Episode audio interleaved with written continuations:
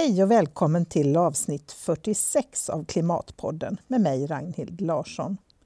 Dagens avsnitt spelades in under Learning Labs på Svenska Mässan den 25 november och därav den något brusiga bakgrunden. Runt bordet i Klimatpoddens monter sitter Bo Norman, innovationsrådgivare på Chalmers innovationskontor och dessutom Klimatpoddens allra första gäst. Annika Hagberg, miljövetare och klimataktivist och Kalle Torshag som pluggar humanekologi och är aktiv i Fossilgasfällan i Göteborg. Temat för vår diskussion är Så hanterar vi vår klimatångest. Och om jag ska sammanfatta diskussionen kan man väl säga att det bästa sättet att lindra klimatångesten är att agera. Och gärna tillsammans med andra. Det finns förstås många olika sätt att göra det på. Själv startade jag till exempel Klimatpodden som ett sätt att lindra min egen klimatångest. Och så här drygt två år senare måste jag faktiskt säga att det hjälper. Du kan läsa mer om Klimatpodden, Innovationskontoret och Fossilgasfällan på hemsidan klimatpodden.se. Där finns också Bo Normans boktips som han nämner i det här avsnittet.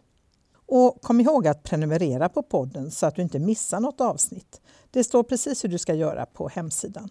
Följ oss gärna också på Twitter och Facebook och hör av dig med synpunkter och förslag på gäster.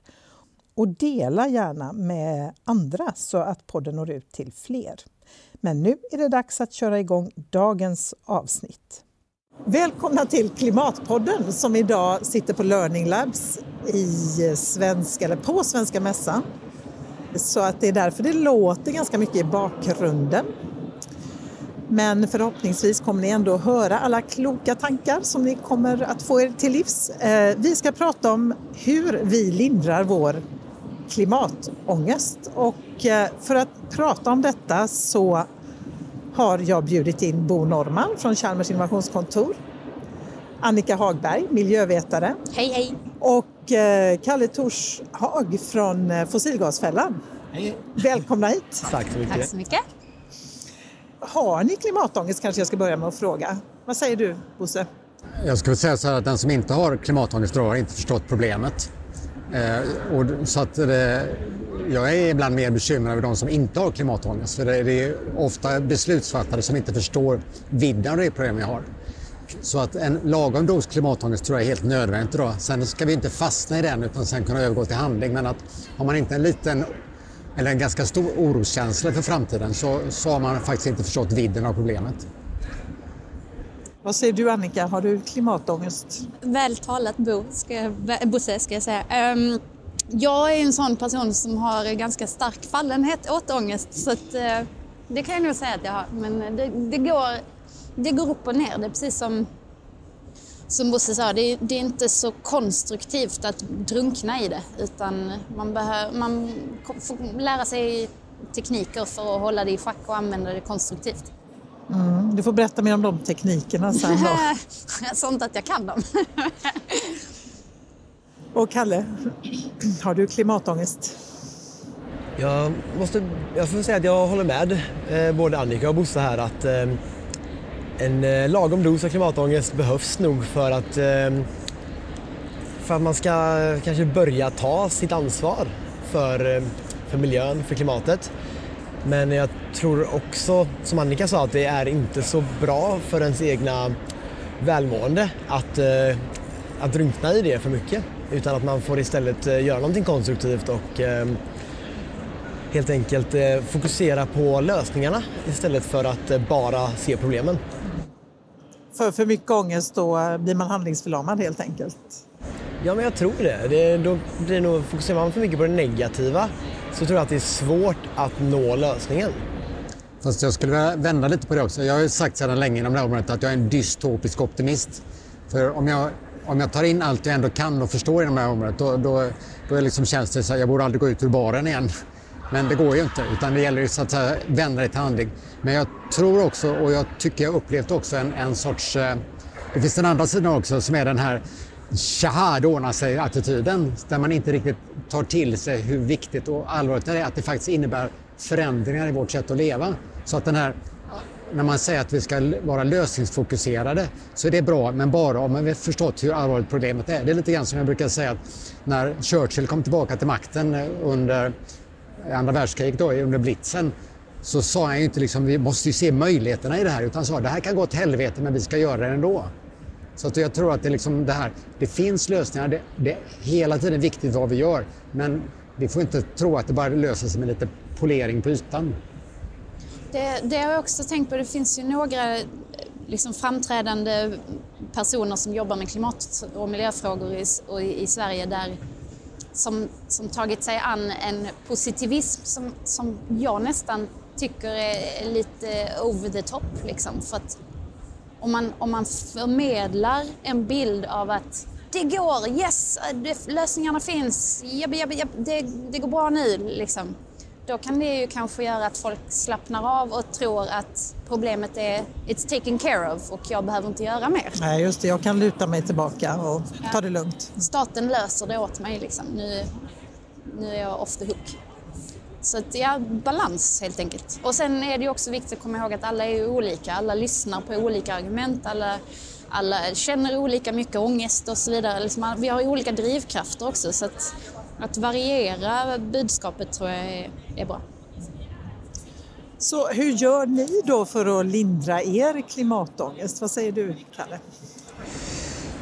Uh, um, jag tror att um, för ens egna del i klimatpåverkan är ju mycket lättare att göra någonting åt. Det som oroar mig mest är strukturerna. Hur um, hur vi lever i ett konsumtionssamhälle som är så fokuserat på att vi, vi ska konsumera mera och vi ska unna oss eh, de här eh, vardagslyxen och vi ska resa. Det är väldigt fokuserat på vår egna njutning. Jag tror att det är ett väldigt stort problem. Att, vi, att folk behöver börja inse att problemen finns. Men som jag sa förut, att jag gillar att vara lösningsfokuserad så jag tror ändå att det är viktigt också att visa på att omställningen är inte så farlig. Så jag tror att utan att det snarare är att eh, lösningen är någonting fint. Lösning, alltså den, den världen som vi behöver eh, övergå till är positiv. Och, eh, så jag, så jag, ja. så jag, jag, skulle vilja säga att jag botar väl min eh, klimatångest mest genom att försöka bidra till den här omställningen. Ja, och då är du aktiv i Fossilgasfällan då. Precis. Och berätta, vad är Fossilgasfällan? Eh, fossilgasfällan är framförallt fokuserad på att stoppa bygget av eh, något som en fossilgasterminal här i Göteborg som eh, kallas för Go for LNG. Och, eh, så det vi gör är ju att eh, absolut, vi eh, försöker ju att hindra det här bygget eh, genom att eh,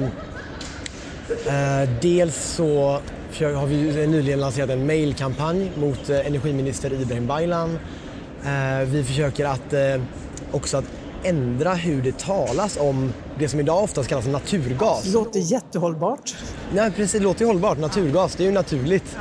Men vi försöker ändra det här narrativet så att det istället ska talas om fossilgas, att det ska ses som ett fossilt bränsle och att det inte är önskvärt. Eh, så vi försöker ju kämpa för en att, att helt enkelt att den här utvecklingen ska, ska stoppas, att vi ska övergå till mer hållbara energikällor. Och du var med bland annat i någon aktion här nu där ni eh, paddlade kajak i Göteborgs hamn. Berätta! Ja, eh, det var faktiskt min första eh, kontakt med Fossilgasfällan var just den här kajakaktionen. Jag hade innan det så hade jag inte hört talas om den här fossilgasterminalen överhuvudtaget. Jag visste inte att den skulle byggas. Så när jag fick höra det och att det skulle ske en protest mot den så var det självklart för mig att det här är ju någonting som jag vill vara delaktig i. Vi kan inte låta det här bygget ske för att det kommer leda oss in på helt fel utveckling mot eh, med ännu mer fossil infrastruktur. Så eh, då, eh, då hakade jag på helt enkelt och paddlade ut på, på älven Plus att du är grym på att paddla kajak. Det, det spelar också in. det hjälpte inte när det blåste 15 sekundmeter dock. Då, ja, då då välte jag i ändå. Men det var väldigt roligt eh, och jag eh, tror det är viktigt också med sådana peppiga aktioner för att få folk att, eh, ja, men att det ska finnas någon mer, mer positivt liksom i den här kampen. Att det inte bara är alltså, negativa, eh, alltså, ska man säga, eh, att det inte bara är eh, alltså, torra lösningar. Alltså, att det inte bara är byråkrati utan vi kan göra någonting konstruktivt, någonting mer roligt också. Lindrade det din klimatångest tycker du att paddla kajak? Inte just där och då kanske men det fick mig in på en, en eh, bana. På grund av vädret hoppas jag. Ja, nej, men det fick väl framförallt in mig på den här banan att jag började engagera mig för klimatet och insåg eh, vikten av det och började då engagera mig i Fossilgasfällan. Och eh, i och med det så känner jag absolut att jag eh, bidrar med något positivt och eh, ja, det, det känns ju absolut bättre än, eh, än innan. att inte göra någonting. Nej, än att inte göra någonting, precis. Bosse, hur hanterar du din klimatångest? Så dels så handlar det om att försöka påverka det. Jag jobbar ju på Chalmers innovationskontor och jag har förmånen att få möta forskare väldigt tidigt med deras idéer och kan vi påverka dem i en mer hållbar inriktning så ger det en, en förlängning ganska stor effekt. Jag har ju varit runt på den här mässan idag och tittat och jag är rätt besviken över alla universitet och högskolor som ska rekrytera studenter. Att det var egentligen bara SLU som jag såg egentligen gjorde någon markering av att jobba med hållbar utveckling och det tycker jag är det är ett kollektivt underbetyg. Det är ändå 2017. Ja, det är 2017. Det är, det är liksom, jag ska ta upp det internt på Chalmers för det är inte okej där. Så det, det är väl en sak där just att påverka, se vad kan jag göra i jobbet, hur kan jag påverka strukturer där. Den andra grejen är, det är också vad, vad jag gör i mitt eget beteende. Jag, jag bor mitt i stan och har ingen egen bil utan hyr och cyklar till jobbet så här. Men det är också, jag, mitt, en av mina fritidsnöjen är att dansa och jag har ju många danskompisar som flyger kors och tvärs i Europa och där försöker jag liksom trycka på dem liksom hela tiden där. Och, och då måste jag också ta konsekvenserna själv. Så en, min senaste dansresa var att åka tåg till Bremen. Och vårens resa siktar jag på att åka tåg till München istället. Men jag måste, då måste jag liksom visa att det går själv. Ja, just det. Men en, en annan sak som jag tänkt på, jag, jag tog faktiskt med några böcker här liksom bara för att det är det som, jag kände ett ganska stort behov av i höst här liksom att, att ta in liksom djupare information. Alltså jag läser massa forskningsrapporter och så vidare. Och, men så, det är ändå så att det, kommer krävas en ganska stor omställning. Då måste man börja försöka få idéer om hur det här ska se ut. Jag har bland annat läst den här väldigt spännande Donut Economy av Kate Rayward som handlar om hur, hur ska ekonomin struktureras om vi inte tror på ständig tillväxt. Eller George Monbiot som har skrivit en bok som heter Out of the Wreckage. Hur ska demokratin se ut när, när vi liksom inte har det här? Så att liksom, jag har känt ett ganska stort behov av att liksom få nya impulser för att hitta ett nytt sätt att tänka och det, det tror jag också ett sätt för mig har varit att liksom hantera detta. Och sen så skriver jag en del i min egen blogg också ibland kring de här frågorna. Men när, Och vad heter bloggen? Hur hittar man den? eh, Deep Thoughts heter den. den, eh, den eh, jag kan länka, jag har, Vi kan länka till den i avsnittsinformationen. Ja. Och Annika, vad, vad gör du för att hantera din klimatångest? Jag har slutat bita på naglarna faktiskt. eh, nej, jag tror... eh, jag är liksom...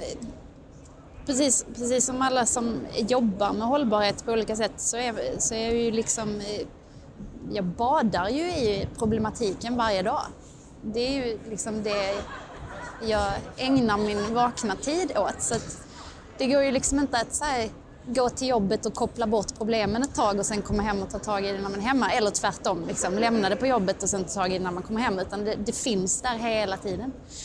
Um, men, och, och jag pallar oftast eh, det liksom för att jag fokuserar väl att vi ska framåt, att, att just att agera, att vi ska vidare, att vi ska förändra saker. Liksom. Um, men vad som funkar för mig annars de gånger det, liksom det blir för mycket så försöker jag bara göra någonting helt annat. Som att jag är fantastiskt lyckligt lottad som bor in till Slottsskogen till exempel. Så jag kan ju gå ut och gå i skogen där varje dag. Och jag är också mycket ute i Änggårdsbergen som är ett naturreservat precis intill. Jag börjar lära mig stigarna utan till nu liksom. och det, det är riktigt gött. Ehm, och så gillar jag hundar men jag har aldrig haft någon egen och jag har ingen nu heller. Men då är det också bra att kunna gå både i Slottsskogen och i Änggårdsbergen för där går en massa andra människor med hundar. och, eh, ja. och eh, jag har oftast turen att få eh, bli påhälsad av eh, hundar som får klappa på dem och gosa lite med dem. Och, eh, det är liksom, då bryts ju tankarna. Då, då får jag en helt annan Då får jag en närvaro här och nu och jag känner liksom vad jag känner. Och, alltså när jag tar på dem. Lite så här, alltså just inte bara i huvudet så mycket Nej, utan göra saker med kroppen. Träna är också jättebra till exempel, ut och springa eller annat sånt.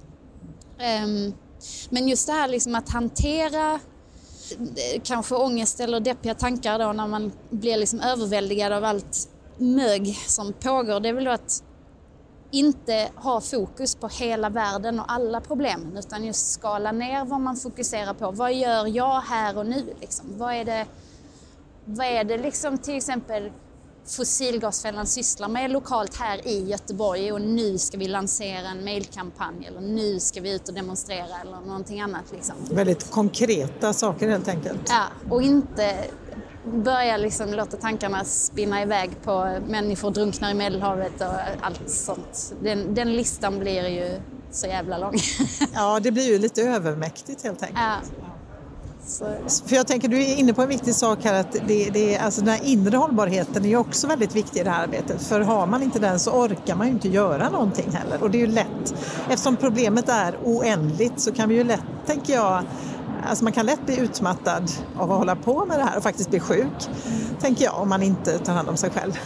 Där, där känner jag också att eh, där har vi väldigt, där har vi väldigt stort ansvar också att hjälpa varandra. Och den, den klimatrörelse som, som jag upplever är en del av, där försöker väldigt många vara liksom medvetna om detta och stötta varandra och säga, har du, tar du inte på dig för mycket nu, pausa lite och så här. Men samtidigt så förs det också ett samtal. Kolla nu har jag gjort det här. Kolla nu lyckades jag nå dem. Kolla nu råddade jag detta. Eller, så det blir ju samtidigt en, en prestationslista. Hur mycket bra saker hinner man med? Och det kan vara lite svårt där, särskilt om det inte är ens jobb, om man inte får betalt. Man kan inte jobba ideellt Eh, hela tiden för man måste betala en hyra, man måste få tag på mat. I och för sig kan man bo i ett tält och dumpstra all sin mat men de flesta gör ju inte det. Jag tycker det är intressant att du tar upp det just det med hållbar aktivism, att man måste även värna om sin egna eh, psykiska och fysiska hälsa. Eh, och eh, jag tror det just det är en stor anledning till varför det är viktigt att fokusera även mycket på det positiva. Det är ju självklart viktigt som Bosse sa förut att man får aldrig glömma av problemen. Absolut, men jag tror att om man fokuserar för mycket på, på problemen så kommer, kommer alla aktivister till slut att vara alldeles utbrända. Och det, då kommer vi inte kunna, det vinner ingen på. Då kommer vi inte kunna bidra med en förändring, den, den förändring som vi vill ha. Så därför tycker jag att det är väldigt viktigt att försöka hålla eh, energin hög och eh, vara positiv och se att det går att lösa ändå. Men där, men där tycker jag du kommer in på ett problem som är egentligen mycket större än så att säga, aktivisternas uthållighet och det är ju den grundläggande frågan. I ett lågenergisamhälle, vad ska vi belöna oss med? För det, är lönehelg den här helgen. Om du går ner på stan nu så skulle du se folk bära omkring på kassar. Man har varit och lönehelgshoppat. Men om, om, så att säga, om vi måste få ner konsumtionen, vi måste få ner resandet så blir det inga Thailandsresor, det blir inga shoppingresor till London, det blir ingen lönehelgshopping. Vad ska vi då belöna oss med? Vad är det som ger gott värde i livet när vi inte kan liksom tillfredsställa oss med materiell konsumtion? Och, och jag tror att det, det, är en, det, är en, central fråga för om vi inte får människor att känna du var inne på det Kalle förut, där, liksom att, att om det omställda samhället ska vara gott. Men då måste det också innebära att du, att du får tillfredsställelse på, på, på en mängd olika sätt. Och, och känner inte människor att det är Alltså, det, det, får liksom inte vara en, ett grötfrukostsamhälle om man uttrycker lite slentrianmässigt utan det måste finnas liksom värde och kvalitet och, och nöje i det också. Och vad är det då som ska ge oss det när vi inte kan göra det med materiell konsumtion? Jag tycker, eftersom jag Alltså alla borde dansa, det, är liksom, det löser väldigt mycket och det gäller väldigt låg konsumtion om man håller sig något sådär på hemmaplan. Dessutom är det medicinskt visat att det är det enda som håller en frisk i längden. Så mer dans. Ja, det, det tror jag absolut, eh, du är inne på ett jätteviktigt spår. Jag håller helt med. Att vi behöver liksom komma, komma tillbaka till kroppen mer, vara mindre materialistiska och liksom komma tillbaka in i oss själva. Mer, mer tid åt filosofi och kreativitet och, och, så här. och inte då kreativitet i att designa ett lite mer energisnålt kolkraftverk utan kreativitet som i göra livet och vardagen lite vackrare, göra livet lite enklare för dig själv eller grannen, göra öka gemenskapen. Alltså, bara senast i morse hörde jag på radion att eh, antalet eh, människor som sjukskrivs för depression ökar. Det hade ökat med 559 procent sedan 2011. Eh, det tror jag i och för sig kan hänga, med, hänga ihop med att man kanske inte diagnostis eller liksom sjukskrivit folk för depression så mycket förut. Men, eh, men, och gör det i större utsträckning nu för att man kan diagnostisera det bättre och så vidare. Men, men det, det ligger ju någonting i det liksom. Och eh, ensamheten ökar, polariseringen ökar, eh, antalet självmord i svenska samhället ökar. Alltså det är inte som att det här, den ökade materiella välfärden och ökat BNP gör att vi automatiskt mår bättre. Utan vi mår, vi mår materiellt bättre men vi mår mentalt sämre. Och jag, jag föreläste för eh, eh, lärarstudenter på Göteborgs universitet för några veckor sedan och pratade om varför det är viktigt att de undervisar i hållbar utveckling och tar in det i sin undervisning. Och det här var ju då lärarstudenter som kommer att undervisa i alla möjliga olika sorters ämnen. Allt från idrott till naturvetenskap. Liksom. Ehm, och då var det en, en kille på slutet där som liksom räckte upp handen och sa ja, men om, om alla ska leva, om, om alla andra ska få det bättre så betyder ju det att vi kommer få det sämre. Och det, är lite så här, det var ju som en hand som bara kramade åt mitt hjärta och bara liksom, okej, okay, den här det är ju, jag kan mycket väl tänka mig att den sortens tankar finns i, i samhället. Folk har inte riktigt förstått det här utan de ser de materiella, de materiella värdena. Och sen finns det ju psykologisk forskning som visar att vi vill väldigt gärna behålla status quo. Vi, vi är rädda för förändringar, vi är inte så benägna att kasta oss ut liksom så i stor utsträckning. Så att, det här med att, att sprida en vision om det bättre samhället som Kalle var inne på också. Att säga, men vad är det vi ska vinna på det här bättre samhället? Vilket slags samhälle vill vi ha? Just det, det hur ser det ut i det, det samhället? Det tror jag är jätteviktigt. Ja. Det är väl just det här nya samhället som vi alla tre verkar vara väldigt inne på att vi vill uppnå då. Det är ju det jag tänker att det ska framställas som positivt på något sätt.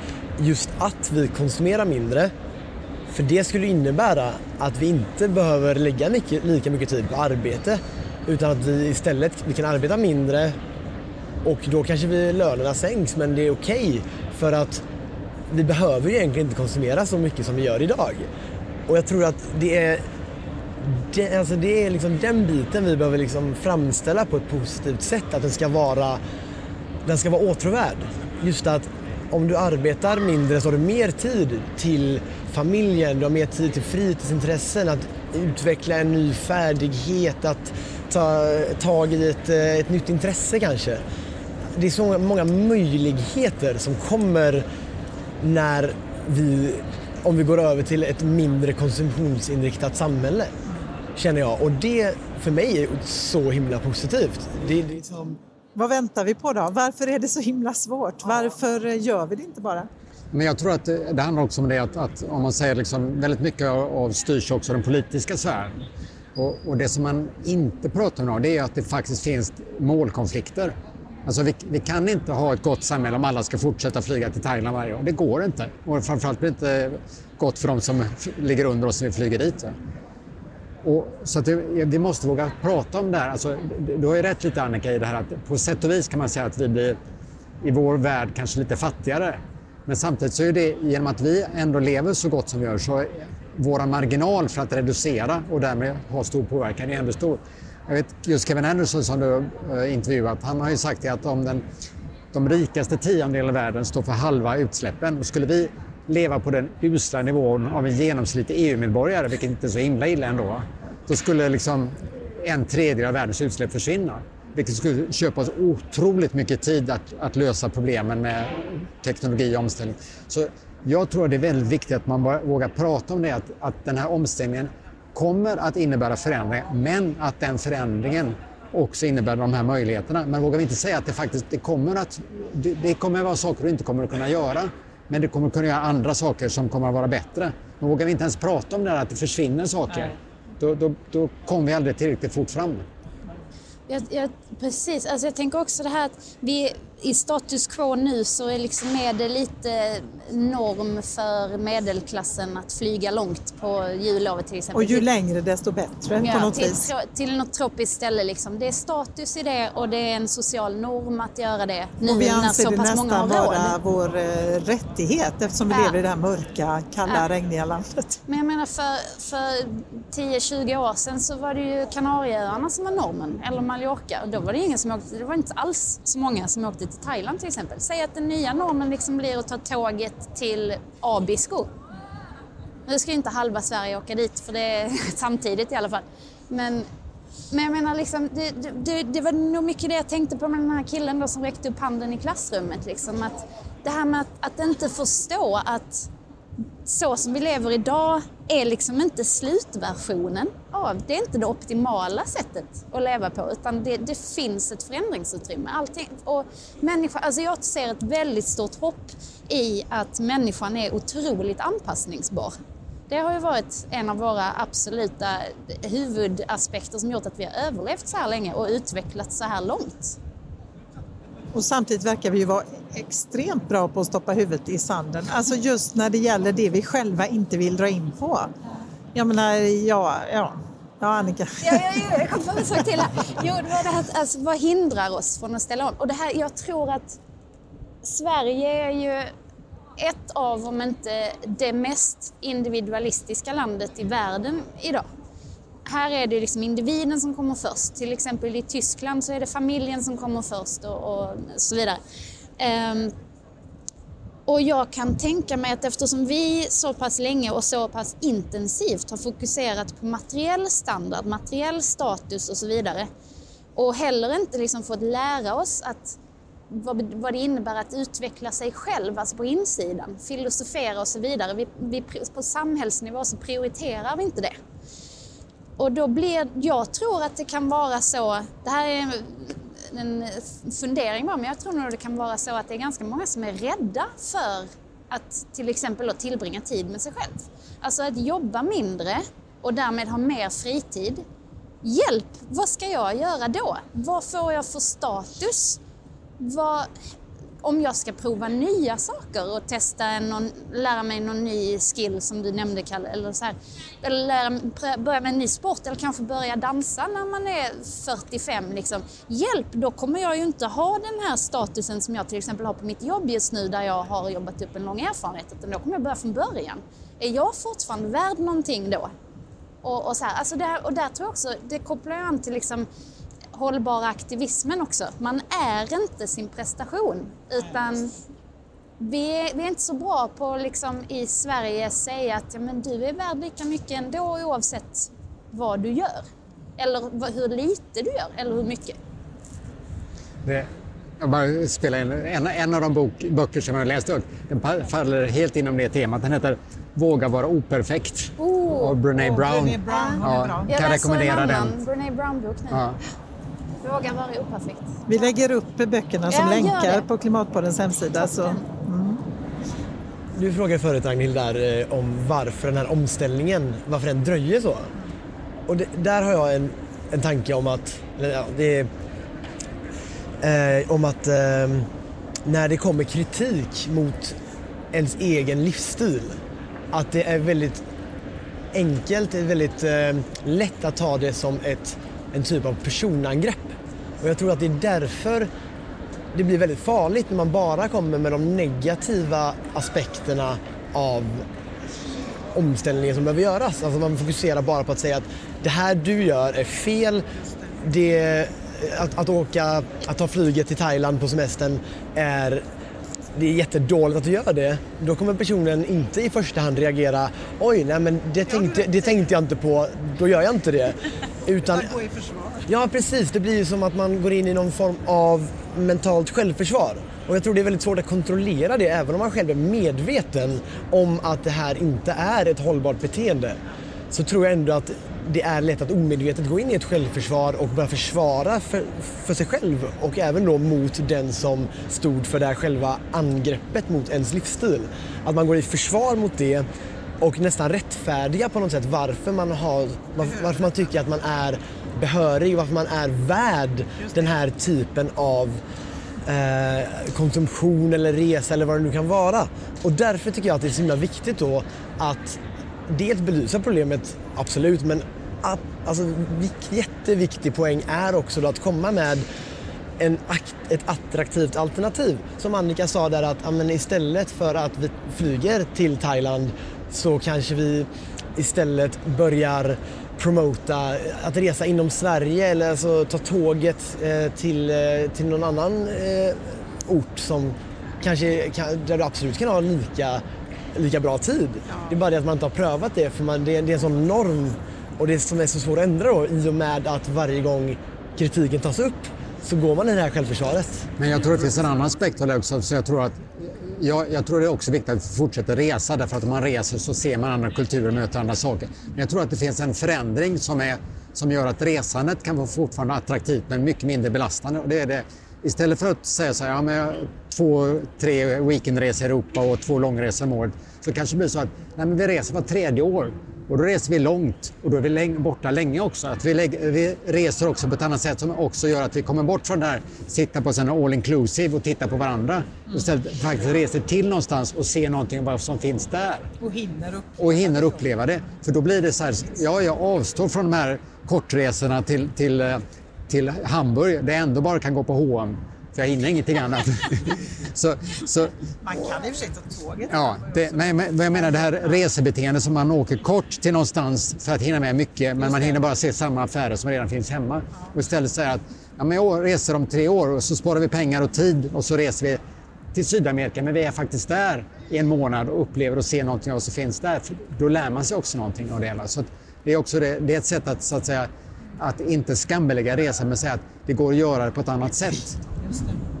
Men där, där, måste man ju då justera systemet. Som det är just nu till exempel så får man, om du, är, om du har turen att ha en tills vidare anställningskontrakt, om du nu vill ha det, eh, så, så blir du berättigad till ett visst antal semesterdagar per år och tar du inte ut dem inom en viss tid så brinner de in eller så får du ut i pengar istället eller så vidare. Liksom. Och det, det, är ju inte, det är inte alla arbetsgivare som går med på eller kan gå med på att att eh, ja men eh, tar du ledigt ett halvår vart åttonde halvår eller i den stilen till exempel så är du välkommen tillbaka sen. Alltså nuvarande systemet är inte anpassat på det sättet. Och, men det kan ju bli det. Därför att det är inte så jädra svårt att ändra på. Och sen till exempel det här med att, att åka tåg. Du, du berättade ju Ragnhild om att du är med i en Facebookgrupp som, vad heter den? Tågsemester. Tågsemester. Väldigt bra. Ja, och, den, och, då, och då promotar ju den också det positiva med att resa ja. med tåg istället för att vara inne i en sån här hata flygplan eh, Facebookgrupp. Det är, inte, det är inte lika kul. Men, men då liksom, det finns ju väldigt mycket man skulle kunna göra med tågen också. Till exempel då min bror och hans fru som, som har två barn, en sexåring och en ett och ett halvt-åring. Alltså bara föreställ dig med de här två hyperaktiva barnen att de ska ta liksom, säg, tåget till Rom det finns inte på kartan som tågen ser ut nu. Liksom. Men tänk om man, tågen justeras, man har liksom kupéer som är familjekupéer, så de har sin egen kupé där de liksom kan barnen kan sova middag eller sova lunch eller vad det heter och, och liksom vakna på natten utan att störa andra passagerare och så vidare. Och tänk om det fanns liksom en, en dagisvagn där, de, där det fanns någon slags dag, förskolepedagog. Lekvagn. Ja, precis. Jag menar, det är inte så himla svårt att ändra på och sen justera systemet så att man inte måste vänta i 12 timmar på Hamburgs centralstation där det inte finns någon översovningsmöjlighet. Exakt. Så att, jag menar, och det finns ju massa jobbmöjligheter i det. Verkligen. Så det är absolut, och då kommer man återigen in på det här att folk tror liksom, vadå ska jag inte flyga? Nej, då finns det ju inget alternativ. Fan vad tråkigt. Det här tänker jag minsann rösta nej till. Alltså men, ja, det går att förändra. Ja! Yes. Och det skapas bra vad jobb på köpet. Vad, vad, ger er, nu har vi pratat ganska mycket om klimatångest, vad ger er klimathopp då? Nu har du i och för sig varit ganska hoppfull här och pratat om att det finns lösningar. Jag anstränger men... mig. Som...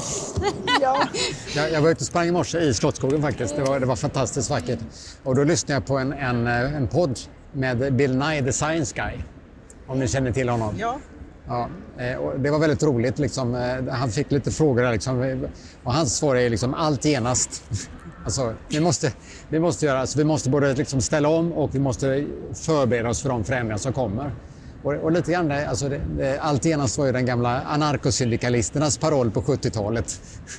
Det var men, före vår tid. Ja.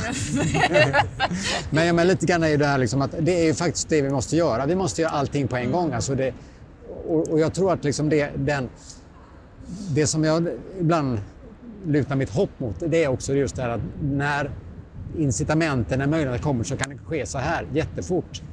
Jag, jag, jag är tillräckligt gammal för att komma ihåg det här med klorblekt papper som fanns, sådana här kopieringspapper. Det var ju så att, att pappersindustrin sa att det är omöjligt, vi måste ha klorbleka. Det går inte på något annat sätt. Sen var det ett pappersbruk som då tog fram ett klorblekt papper, icke klorblekt papper. Det var skitkast. Det var gult och smulade och fastnade i kopieringsapparaterna. Men ett par kommuner bestämde sig då för att bara köpa in det här. Och då såg pappersindustrin att marknaden försvann. det tog två år, sen fanns det inte klorblekt papper att köpa längre. Och det, det var liksom så här, pop, och det betyder att de var ju förberedda på det. Annars skulle det inte gått så fort. Det var bara att de, inte, de väntade in konsumenttrycket. Så jag tror att det finns en massa mekanismer där. Det är som det här med bilar. Det finns många prognoser som säger att om fem år slutar vi äga bilar. Om, om 10-12 år så kommer vi ha en tiondel så många bilfabriker därför att behoven förändras. Så att det, det enda som är, tycker jag är viktigt är Per Holmgren som du också intervjuat. Han, jag hörde om en annan podd här, från, han sa att det positiva är att, att liksom omställning, elektrifiering, eh, solceller, vind etc. går mycket fortare än man tror. Det som är lite negativt är att den negativa förändringen går ännu fortare. Så att, och att utsläppen av koldioxid ökar ja, till exempel. Alltså det... Så att, jag, jag tror enda, enda, enda sätt på något sätt ändå, det, det måste, liksom, det, det, måste bli en, en, en annan typ av krismedvetande och samtidigt peka på lösningarna. Det, och, det, och jag tror ändå så här att om man säger för 20 år sedan, om vi, om vi hade verkligen ställt om för 20 år sedan hade vi kunnat ett ganska glatt omställning utan större problem. Men vi är lite förbi det nu så att ska vi klara det här så kommer vi, en, om man tar en flyganalys, det kommer bli en väldigt skakig landning. Men det är fortfarande så om du sitter där i flygplanet och det stormar ute så är en skakig landning väldigt mycket trevligare i alla fall än en krasch. Om du får välja. Så du är beredd att acceptera liksom det. Och det, vi, jag tror att det vi måste liksom på något sätt hela tiden ta upp de här till diskussion för det handlar ju om just nu tror jag mest om politiken, få den att förändras. Industrin upplever ändå att de ligger i beredskapsläge för att förändra. De har förstått att de, de, har förstått måste, att de måste bli hållbara för att överleva helt enkelt. Ja. Ja. Men politiken är inte där ännu därför att de är fortfarande i det här nollsummespelet. Kommer vi klara nästa val på det? Och då får man liksom angripa över hela skalan. Men till exempel det här med migration som varit ett jättestort ämne de senaste åren är extremt kopplat till klimatförändringar och kommer bli ännu mer kopplat om vi inte gör någonting.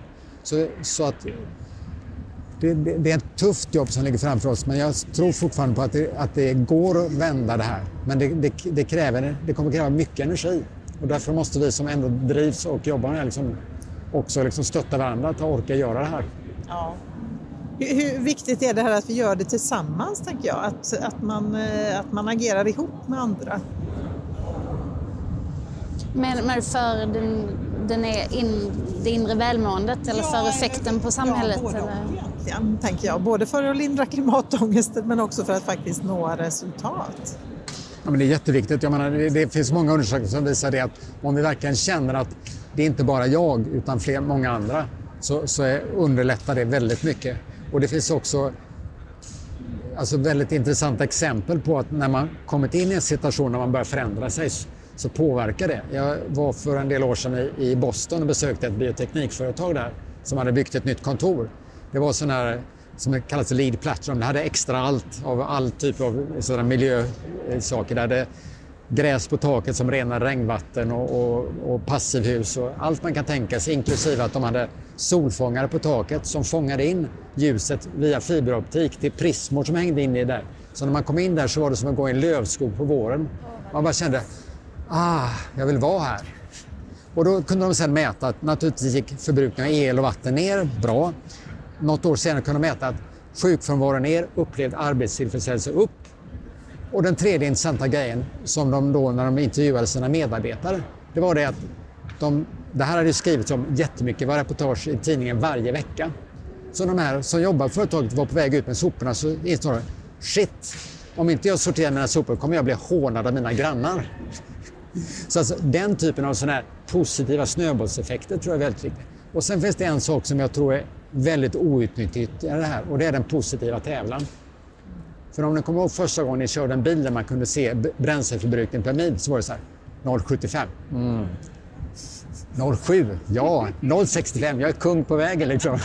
Och den positiva tävlan tycker jag är viktigt. Och här skulle jag förstås vilja se på den här tillställningen att alla universitet hade tävlat med varandra vem som kunde vara mest klimat, hållbara. Ja.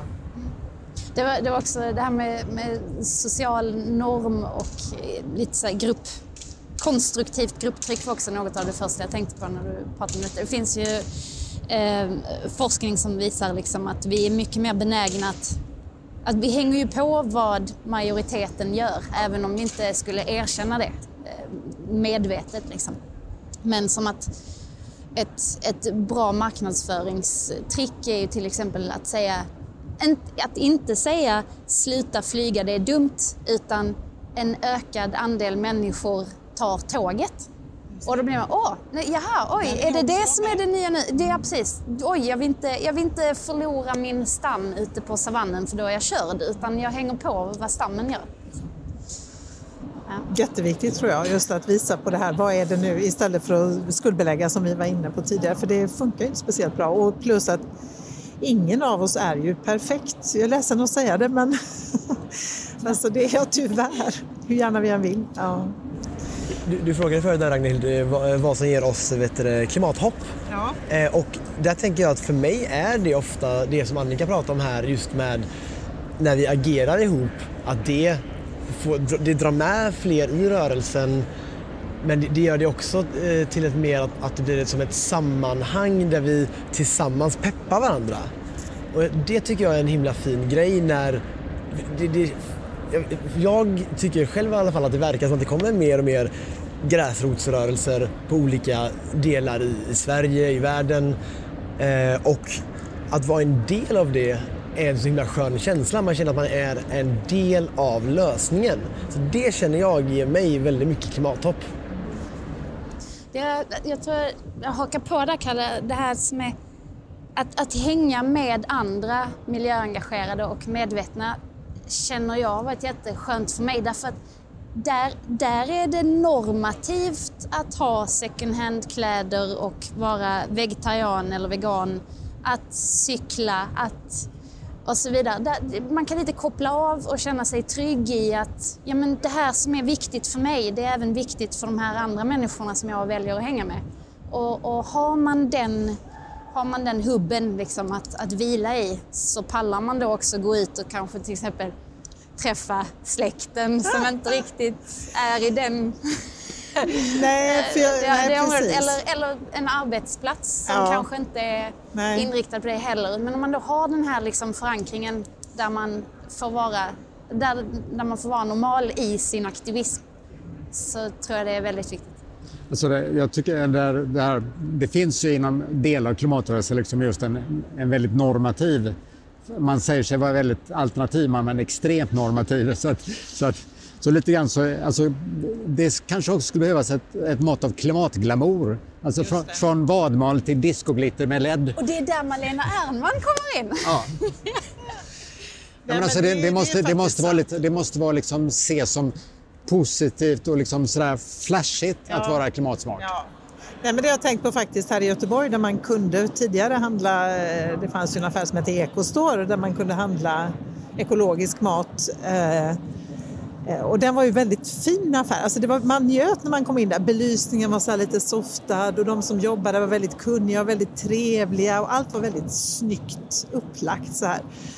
Och så har vi, nu har de tyvärr fått lägga ner av olika skäl men eh, då finns kooperativhandel fram där jag alltid får lite skuldkänsla när jag går in. Jag känner mig alltid, alltså det är en jättebra affär men det känns alltid lite som att jag är nog inte riktigt helt rätt. Alltså, det är lite så uppmaningar på väggen, ni vet att eh, tänk på att använda samma påse flera gånger. Och det, alltså, det är någonting med tonfallet, jag kan inte riktigt förklara men det är betydligt mer oglamoröst då. Och det kan ju vara något positivt som kan tilltala vissa. Men just om man ska nå utanför kanske den här innersta kärnan så kanske det är viktigt att det blir på andra sätt också. Precis, ja, alltså det finns ju en risk i att göra det trendigt eller så. Alltså det, kan, det kan bli för pretto, det kan ja. bli för påtvingande, det kan bli för en för rigid stämning. Om du inte är vegan så får du inte leka med oss. Ja, din töntiga vegetarian. Shit, kan du inte sluta med ägg? Vilken dålig människa du är. Det, jag menar, det steget... Jag, jag kräver min ekochampagne. ja, det var. uh, men jag menar, alltså, jag har tänkt ganska mycket på det här också med engagemang också. Det är ju liksom en personlig utveckling. Man går inte från att vara helt oengagerad och omedveten till att vara längst fram i en grupp på 200 personer som ska preja sig in i en kolgruva i Tyskland och fightas med polisen. Alltså det är ett enormt steg däremellan. De flesta tar inte det på en gång. Så att man måste liksom, vi som kanske identifierar oss som medvetna och liknande. Vi måste verkligen visa ödmjukhet mot de som inte har hunnit lika långt helt enkelt. Det tycker jag, det tror jag är jätteviktigt. Jag tror verkligen att det finns en, en fara i att det blir en för stor distans mellan vad man ska säga, vi, i klimatrörelsen, eller som Annika sa, vi som är medvetna eller hur man, vad man nu vill kalla det. Jag tror det är en, en fara i att den här hållbara livsstilen som vi ändå vill promota att den är alldeles för avlägsen på något sätt från den livsstilen som de flesta har idag. Eh, att det finns en risk i det för då är det väldigt svårt att ta det jättestora klivet. Så jag tror det är viktigt att även peka på de här mindre lösningarna som folk kan göra men även också vara tydlig självklart med att det, att det behövs mer men bara det att, att, att övergången inte blir så himla stor. Nej, och med tanke på den, jag tänker den polariserade debatt som råder inom i stort sett alla områden i samhället idag där vi pekar finger åt varandra och är väldigt snabba med att döma andra för att de är rätt eller fel så tänker jag det är extra viktigt då med den här ödmjukheten. Mm, om vi vill nå resultat. om vi inte bara vill leva i vår egen lilla bubbla liksom. Jag blev, lite, jag blev tillsagd på skarpen av, nu kommer jag inte ihåg vem det var, men det var någon annan miljöprofilperson som sa till mig, Annika du är inskränkt. Jag bara, eh, eh, va? Hur menar du nu? Och, och det här pratat om att gud, vet inte folk sånt här? Eller varför gör folk inte mer? Eller hur det nu var liksom. Och, och då, fick, då gick uppenbarades lite för mig liksom att jag är ju jag har varit engagerad i, klimatfrågor i tio år nu. Och de absolut flesta av mina kompisar, framförallt sedan de senaste fem åren, alla de i princip mer eller mindre är också engagerade i klimatfrågor. Och, så, så att, och det är det jag har pluggat på universitetet med då andra studenter som också är intresserade. Det är det jag har jobbat med med andra människor som också är intresserade. Så att jag ju liksom fick det här lite mental örfil om att jag hänger bara med klimatintresserade människor och då får man en ganska skev bild av hur samhället ser ut. så när jag, och, så här, jag, gick, jag gick och klippte mig, då brukar jag gå till frisörskolan för det är mycket billigare och de är väldigt trevliga och så, får man, eh, och så är de jätteduktiga också. Eh, och, då, och då pratade jag med min frisör där och så övade hon sig i att föra konversation med sin kund. Hon var jätteduktig på det med. Och då sa hon, ja vad jobbar du med då? Och jag bara, jag jobbar med klimat. Jaha, klimat? vad, va, vad menar du då? Och jag är så eh, hur, hur menar du?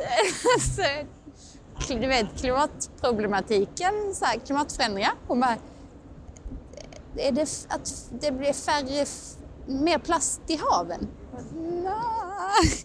alltså, jag menar, vi, vi, precis som Kalle är inne på här, liksom, den här polariseringen finns ju inte bara inom inom, eller finns ju både inom klimatrörelsen men också såklart mellan klimatrörelsen och resten av samhället. Och där kommer det väl in med den här ödmjukheten. Man måste vara med, man måste se personen framför sig, vet, förstå vad den vet och vad den kan och så vidare och sen så ta det därifrån. Ja, och att det inte blir ett vi och dem, för det kan det ju lätt bli, tänker jag. Det beror på lite, lite vem man möter också. Liksom. Alltså, det gäller verkligen att tänka efter var, var, alltså, var är kroken man drar in folk på. Just det. Det, det, är väldigt viktigt i sådana här sammanhang. Liksom, var hittar vi någonstans att börja?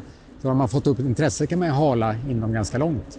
Hur är det bland forskarna på Chalmers till exempel? Väldigt varierat. Ja. Men det finns ju de som, som forskar inom området som gör saker. Det finns ju till exempel de här som du också intervjuat som med Svalna-projektet. Alltså, alltså hur mäter vi vår, vårt konsumtionsavtryck. Det finns ju jättemycket bra forskning gjort på det här i Göteborg just. Alltså skillnaderna i olika ekonomiska områden, hur mycket vi påverkar. Sen finns det de som inte alls är med, så speciellt medvetna om det. Och, och där kan jag ibland lite grann så jag menar, om jag också skulle prata med min chaufför, eller vet du, frisör så... ja. På trampcykel. Ja, så, så, så kanske man skulle säga på ett sätt, men om jag pratar med en forskare som är liksom disputerad och extremt kunnig, då kan jag ibland säga så här, liksom, nej, kom inte draga med någon gammal blogg. Du, faktiskt, du är i en position, du får sätta in i det här. Sen kan vi diskutera, men jag ställer som utbildad forskare så ställer jag faktiskt krav på dig att du tar reda på hur det egentligen är. Utan annars så, så är du inte seriös. Så eh, där kan jag vara lite, lite tuff ibland. Men, men, men det är klart att alltså, vi har ju börjat då när vi pratar med forskarna liksom, angripa på det sättet att om, om, om jag skulle prata med forskare och säga liksom, jaha, och hur jobbar du med hållbarhet då? Så det är klart att jag kanske inte skulle möta så positiv men om jag istället säger, okej okay, den här lösningen som du tänkt på, var tror du att den skulle kunna bidra när det gäller de här globala hållbarhetsmålen som du säkert sett, de här 17 kvadraterna. Vad, vad ser du? du ska? Ja, jag jobbar ju kanske något som har med energiförsörjning. Ja, men vad spännande. Vilka andra områden tror jag? Så att, att man använder den kartan som ett sätt att intressera för var, just var kan jag bidra med lösningar? Och då, då kan man komma ganska långt med det. Så att det är väl en, en sån här aspekt, just hur man ska möta de som har en potential för lösning men kanske inte har sett det i ett ramverk att det faktiskt har att göra med klimat och hållbarhet. Att det faktiskt har det i förlängningen. Där känner jag att du är inne väldigt mycket på det som jag pratade om förut, att om man kommer med kritik mot vad någon gör eh, som inte är hållbart, må det vara inom forskningen eller i sitt vardagsliv, att det tas som ett eh, personangrepp och att då istället eh, kanske lägga fram förslaget då att men det här kanske vore en bra idé att kika på detta eller pröva den här, eh, pröva att cykla till jobbet istället för att ta bilen eller att man lägger fram lösningen där istället för att bara liksom peta på det här negativa. Det man gör fel, ja. Och då tror jag att det är mycket lättare just att, att, fiska in folk i den här hållbara livsstilen. Att de känner att ja, men nu gör jag ändå det här som var alltså, som bidrog till att jag är mer hållbar och så, på så sätt bidrar till den här hållbarhets eh, en övergång till ett hållbarare samhälle. Och det tror jag att folk ändå, när man väl kommer in på det, att det känns positivt och att det då är lättare att börja göra mer och mer. Så det tror jag är jätteviktigt, bara den själva starten. Absolut, och att det finns andra värden tänker jag. jag menar, när jag intervjuar Rob Hopkins till exempel så pratar han ju om, de har i, han är omställningsrörelsens grundare då, och han pratar om i Totnes där de har jobbat mycket med omställning att där har de något som heter Transition Streets. De ställer alltså om en gata i taget kan man säga och då Alltså då så är det ju många som är med där som kanske inte alls är speciellt intresserade eller engagerade i miljö eller klimatfrågan men de vill gärna träffa sina grannar och tycker det är viktigt. Men jag tror också det är viktigt där liksom att förbereda både liksom forskningssamhället och andra aktörer på att det kommer att hända saker och det kommer hända mycket fortare och mycket mer drastiskt än vad du kanske tror. Vi hade ett, en eh, workshop med en, en av forskargrupperna på Chalmers för någon, någon månad sedan. De jobbar med förbränningskemi. Och liksom, när vi pratade om deras strategi så insåg de plötsligt så här, det här med dieselgate, alltså att bilindustrins fusk med dieselmotorer, det kan göra oss fullständigt onödiga. För att om ingen biltillverkare längre efterfrågar nya versioner eller nya generationer av dieselmotorer, ja, men då behövs inte vår forskning på det området längre. Då måste vi göra någonting annat. Och den aspekten tror jag, det gäller, det gäller kanske mer uttalat inom forskningsvärlden men det gäller också inom företagsvärlden, att det kommer komma sådana liksom, drastiska omställningar där vissa branscher plötsligt kollapsar och ersätts av någonting annat. Och det som jag tror är en, en viktig uppgift också när man är engagerad i området, det är också att fundera över detta. Hur håller vi liksom en koll på vad som händer runt omkring? Alltså, alltså vi måste förstå att det blir ganska stora förändringar och då, då, hur bygger vi ett samhälle som, både, som, som är agilt och kan adaptera till de förändringarna? Svårt men spännande. Ja. Till sist tänkte jag då fråga er, vad är ert bästa tips till den som nu lyssnar och lider av svår klimatångest? Oj, oj, oj. Vem är du? Vad kan du göra? Var bor du? Vad har du råd med? eh, och så får man väl svara utifrån det. Men börja där du står helt enkelt. Vad, du, vad, kan du tänka dig att ändra på idag? Och så kanske utgå från, alltså om, man vill sänka, alltså om poängen är att sänka sina egna utsläpp, Då är det ju bra att utgå från bilen, biffen, bostaden och börsen eller banken. Eller buti och så butiken. Alltså, ja. Men... Jag skulle säga, lär dig något om något som berör dig.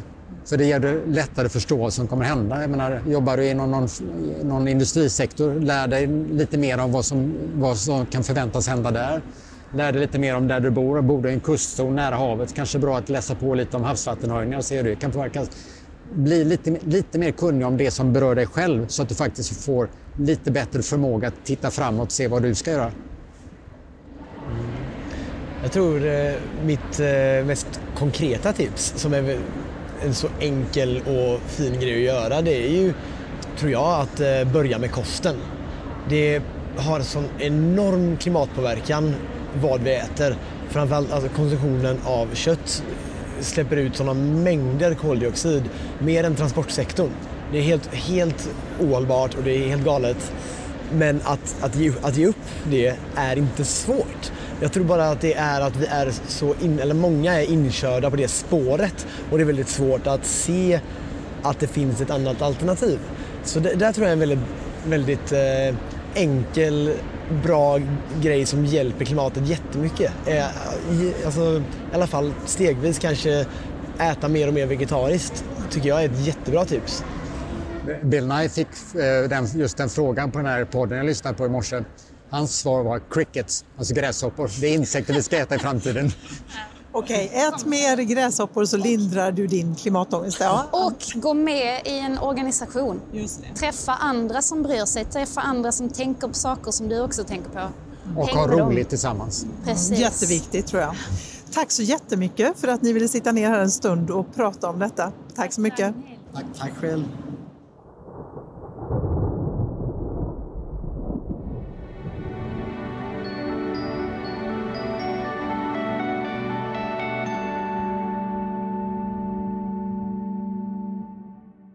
Du har lyssnat på Klimatpodden som produceras av Konvoj Produktion. Gäster i dagens avsnitt var Bo Norman, Annika Hagberg och Kalle Torshag. Du hittar mer information om Klimatpodden och dagens avsnitt på hemsidan klimatpodden.se. Och följ och gilla Klimatpodden på Facebook och Twitter. Signaturmelodin är skapad av Tommy Kaså och loggan till Klimatpodden är gjord av Hannes Larsson.